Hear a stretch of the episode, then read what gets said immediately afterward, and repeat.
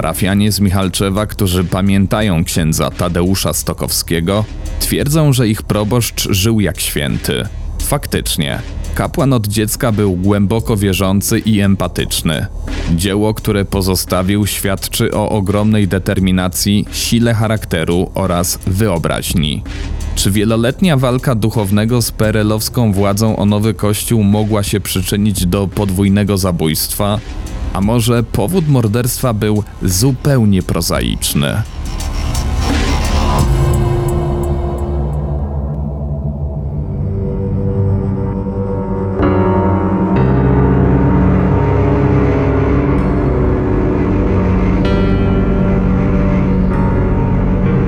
Opowiem Ci historię. Kamil Barnowski. Zapraszam.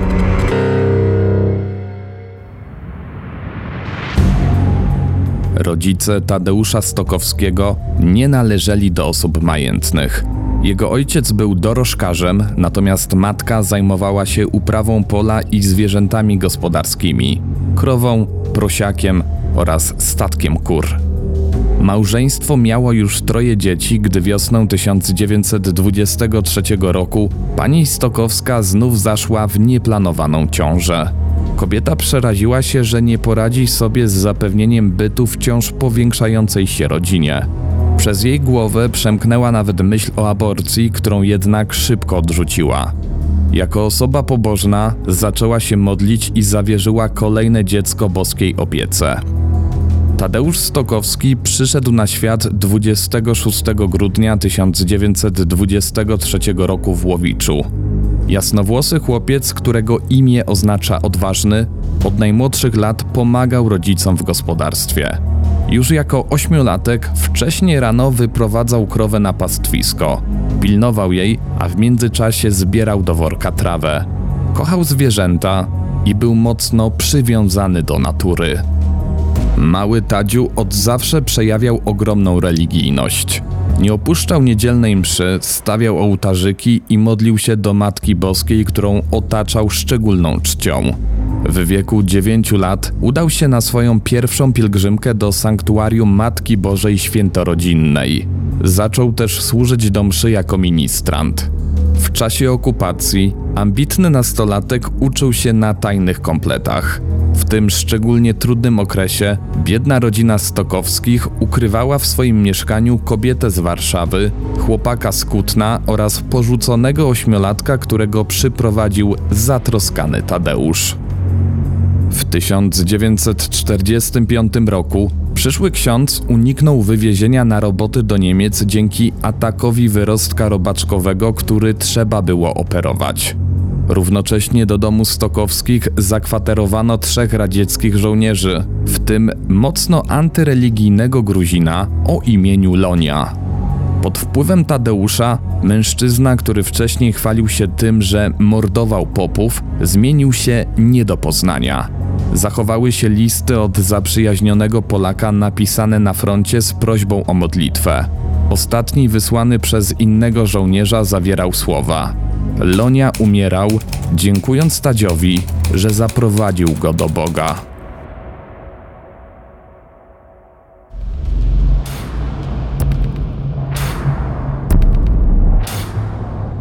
Już po wojnie Tadeusz Stokowski wstąpił do seminarium duchownego w Warszawie.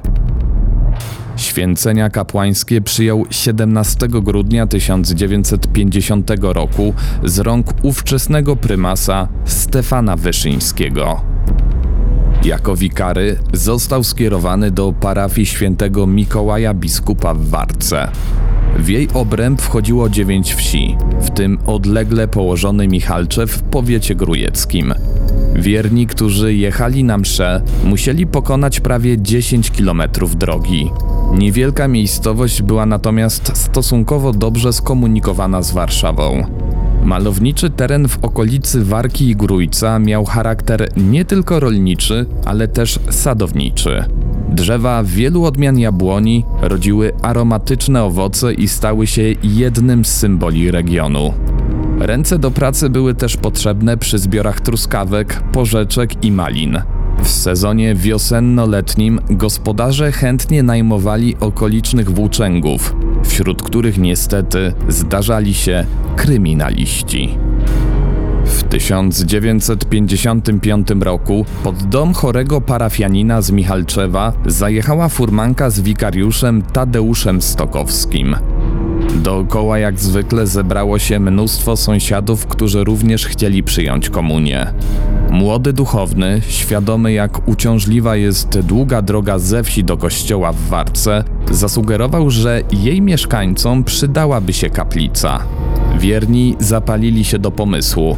Jeszcze tego samego dnia pokazali Stokowskiemu pole, na którym zapragnęli postawić budowlę. Ksiądz zaangażował się w plan rolników do tego stopnia, że nawet po przenosinach do Warszawy pomagał im we wznoszeniu dużej drewnianej kaplicy. Choć nie miał zgody władz państwowych, dopiął swego. Już w 1957 roku rolnicy z Michalczewa zyskali całkiem przestronne miejsce do modlitwy. Nowa parafia obejmowała siedem wiosek. Powstał też cmentarz i dzwonnica. Wdzięczni gospodarze nie chcieli słyszeć o innym proboszczu niż Tadeusz Stokowski. Ich prośby skierowane do kurii zostały na szczęście wysłuchane.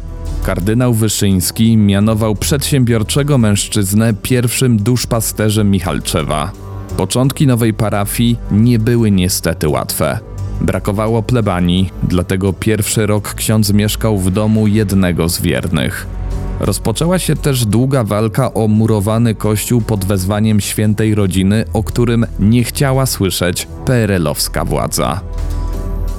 Uparty z natury kapłan mimo wszystko rozpoczął realizację swojej wizji. W jego marzeniach, oprócz nowoczesnej świątyni, znajdowała się niezwykła konstrukcja na wzór wałów jasnogórskich.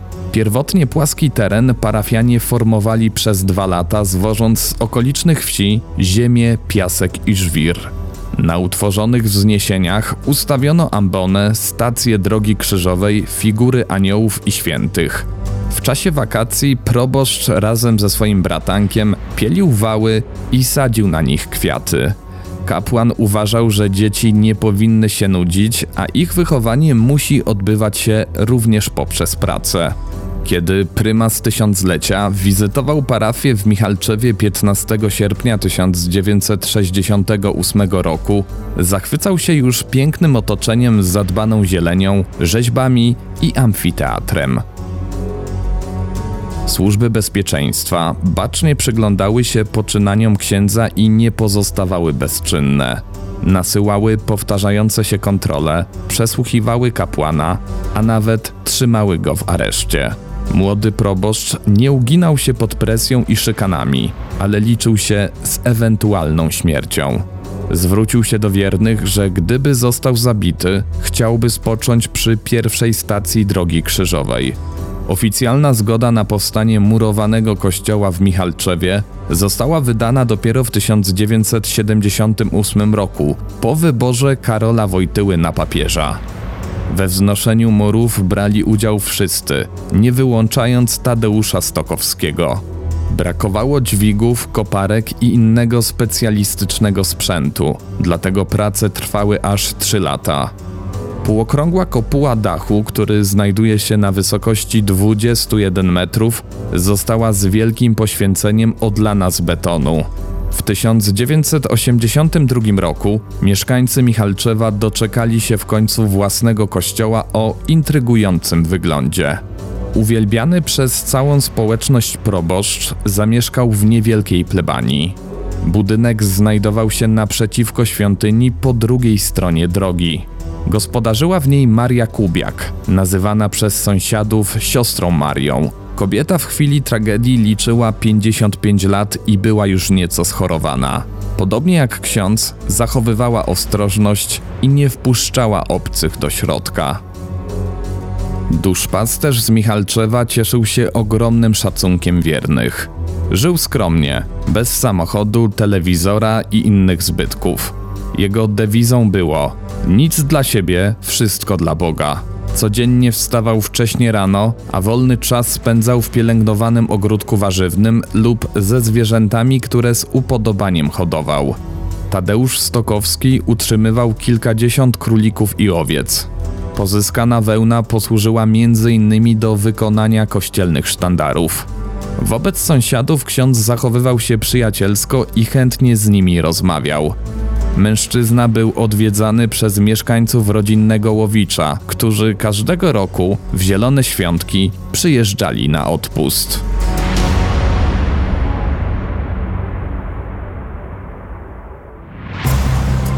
Mijały lata. Starzejący się proboszcz wciąż dbał o swoich parafian i innych potrzebujących.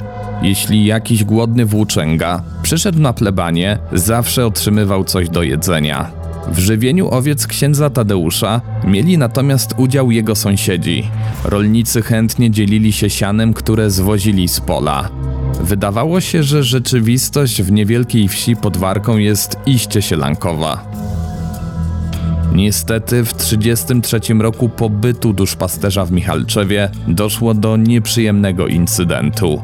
21 maja 1990 roku gospodyni Marianna wyjechała odwiedzić rodzinę. W czasie, kiedy ksiądz przebywał w kościele, nieznani sprawcy wyłamali zamki w drzwiach frontowych i obrabowali plebanie.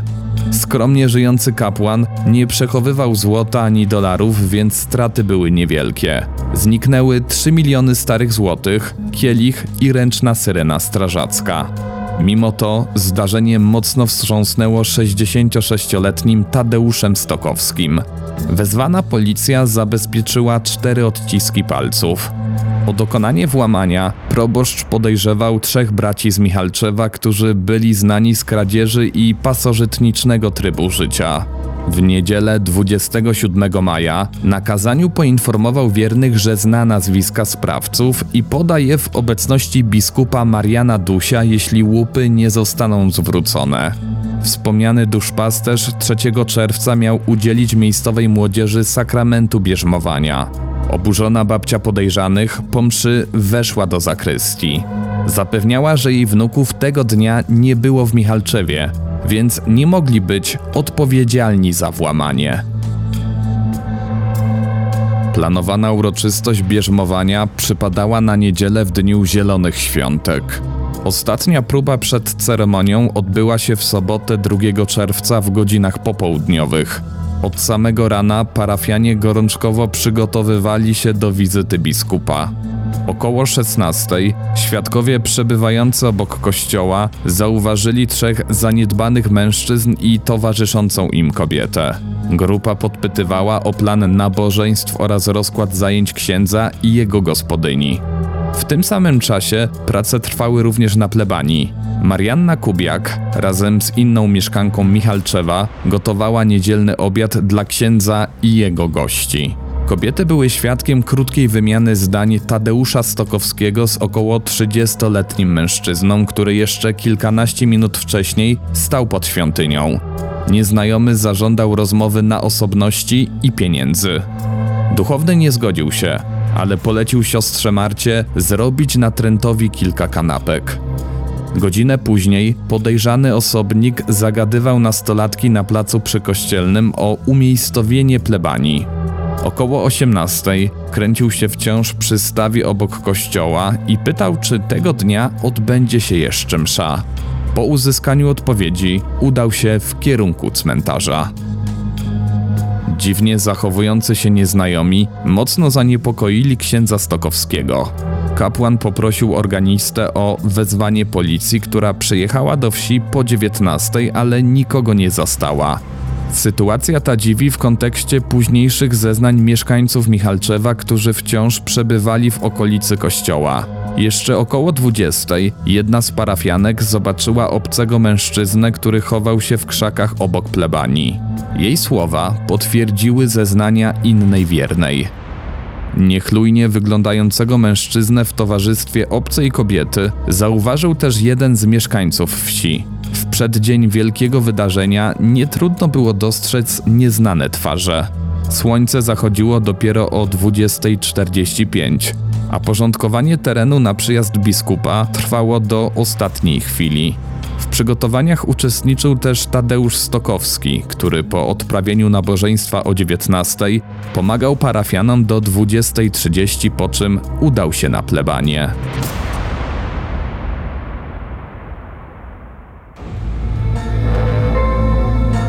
Nazajutrz przed ósmą wierni zaczęli gromadzić się pod kościołem na niedzielną mszę.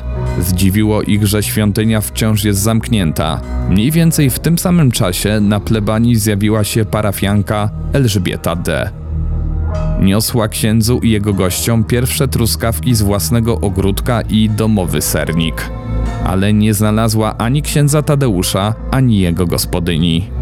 Pomyślała, że proboszcz pewnie jest już w kościele, jednak drzwi świątyni pozostawały zamknięte. Zaniepokojona Elżbieta w towarzystwie dwóch innych parafian wróciła więc na plebanie i zaczęła przeszukiwać pomieszczenia. Wołała siostrę Marię, ale nikt nie odpowiadał. Słychać było tylko beczenie głodnych owiec dochodzące z zagrody. Kiedy kobieta znalazła się w głębi domu, spojrzała w stronę drzwi, które prowadziły do drugiego ganku. Tam odkryła, że twarzą na podłodze w podkurczonej pozycji leży gosposia Marianna Kubiak. Siostra Maria nie dawała znaku życia, więc Elżbieta D. wybiegła z plebanii i zaalarmowała sąsiadów. Grupa mężczyzn od razu wsiadła na rowery i pojechała wezwać pomoc. Wkrótce we wsi zjawili się funkcjonariusze z komendy rejonowej i wojewódzkiej w Radomiu.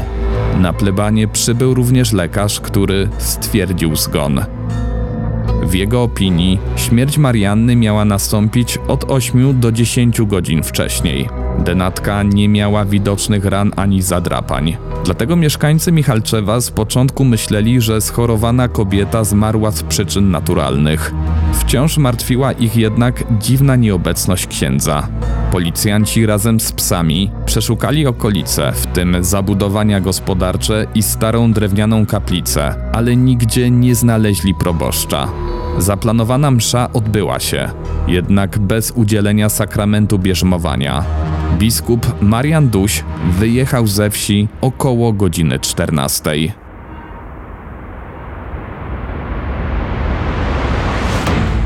Zaniepokojony sytuacją dziekan z Warki, który wiedział o miłości Tadeusza Stokowskiego do zwierząt, poprosił sołtysa wsi, żeby zajął się głodnymi zwierzętami. Mężczyzna wziął do pomocy bliskiego znajomego księdza.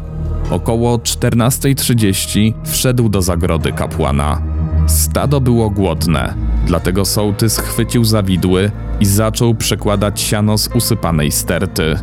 Ku swojemu zdziwieniu, w pewnym momencie nabrał też męski but. Zaintrygowany sołtys rozgrzebał rękami kopę siana.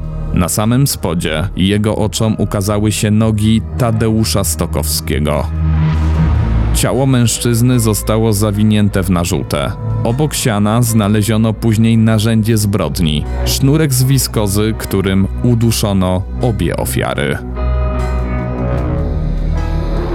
Sprawę morderstwa księdza i jego gosposi niemal od razu przejęła Komenda Wojewódzka Policji i Prokuratura Wojewódzka w Radomiu. Sekcja zwłok potwierdziła, że zarówno proboszcz, jak i siostra Maria zostali uduszeni około 22 w sobotę 2 czerwca 1990 roku.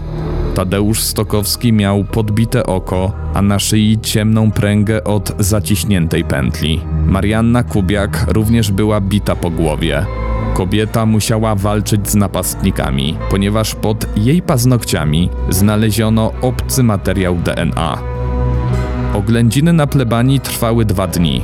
Sprawca lub sprawcy prawdopodobnie zostali wpuszczeni do środka. Nie stwierdzono żadnych śladów włamania. Niezwykle dziwne było to, że oprawca przeszukał tylko jedno pomieszczenie, znajdujące się najdalej od wejścia. Technicy zabezpieczyli w nim odciski palców i rękawiczek. W pokoju panował duży bałagan. Zawartość szaf, szuflady, biurka i wersalki znalazły się na podłodze. Wśród ubrań, pościeli, książek i zapisków walały się też pieniądze w różnych nominałach, a także przedwojenne monety. Nie wiadomo, czy cokolwiek zostało skradzione. Reszta pomieszczeń plebanii pozostała nietknięta, a znajdujące się tam pieniądze nadal spokojnie leżały na swoim miejscu.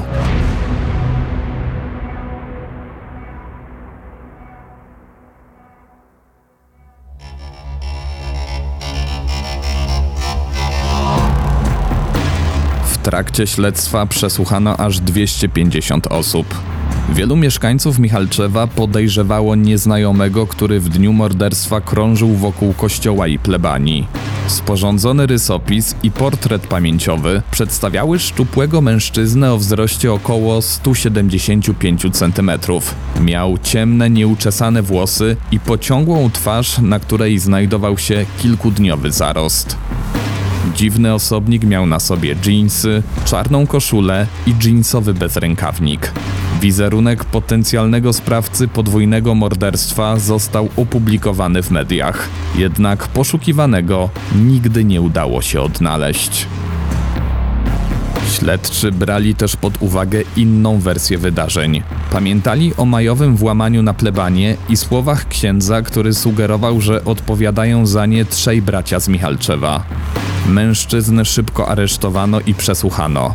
Bracia zeznali, że z rabunkiem w poniedziałek 21 maja nie mieli nic wspólnego, bo przebywali wówczas w Warszawie, a wieczór spędzili na zabawie w dyskotece we wsi Chynów nieopodal Michalczewa.